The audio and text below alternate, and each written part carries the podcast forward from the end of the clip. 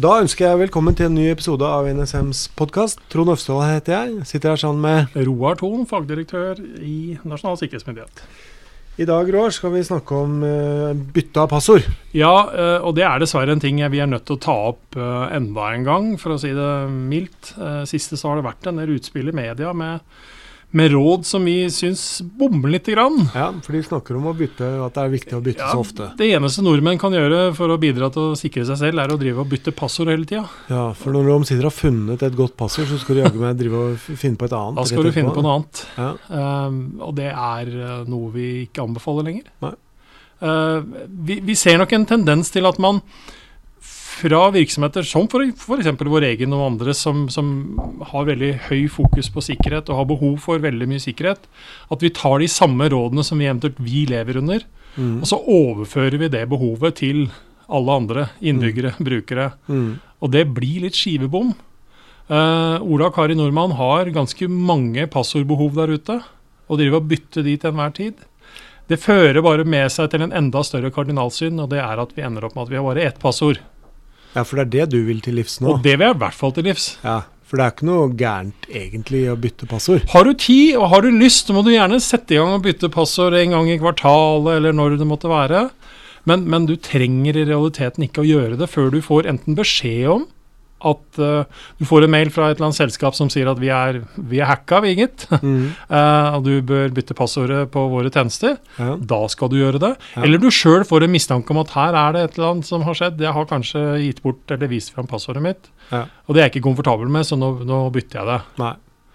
Så uh, men virksomheter som har som policy at det skal skiftes hver eh, sjette uke osv., er det ja, altså jeg Skal de slutte med det? De, de skal faktisk ha en vurdering, de òg. Altså, det fins andre enn oss som sier at dette er eh, en gammel og passé mm, orden som bare skaper trøbbel i andre enden for brukerne.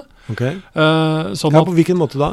Nei, altså den Tenk deg det at vi, vi hele tida vi, vi, sliter med passord i seg selv. Mm. Vi sliter med volumet, altså antallet. Ja. At de skal være unike. Ja. Og de skal være komplekse og lange og sånn, alle disse tingene. Og så skal vi drive og bytte dem hele tida. Ja.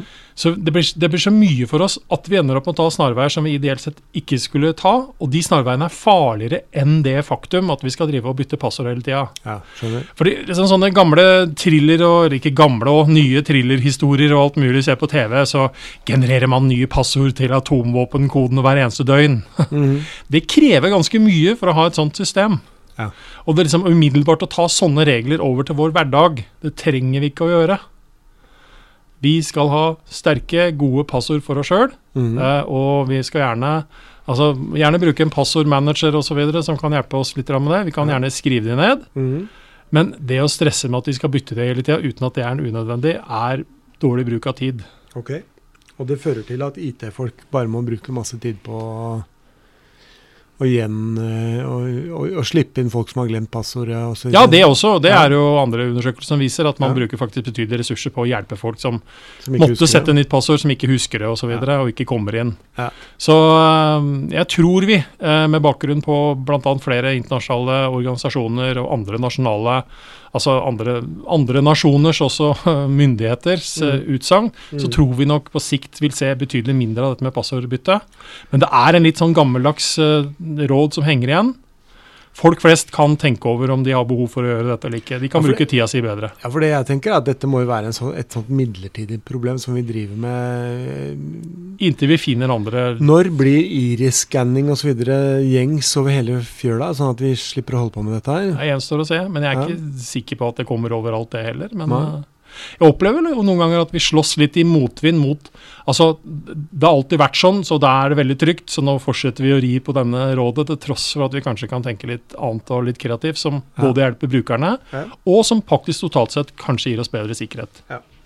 Ok, men... Uh, da har vi kommet med et lite hjertesukk om det. Ja, og de viktigste tingene du kan gjøre, det er fortsatt uh hva? Ha gode, sterke passord. Bruk gjerne en setning, mellomrom, skrivefeil, dialekt osv. Mm. Ha de unike. Mm. Uh, det er også noe å foretrekke. Ja. Uh, og så slå på tofaktorautentisering. Mm.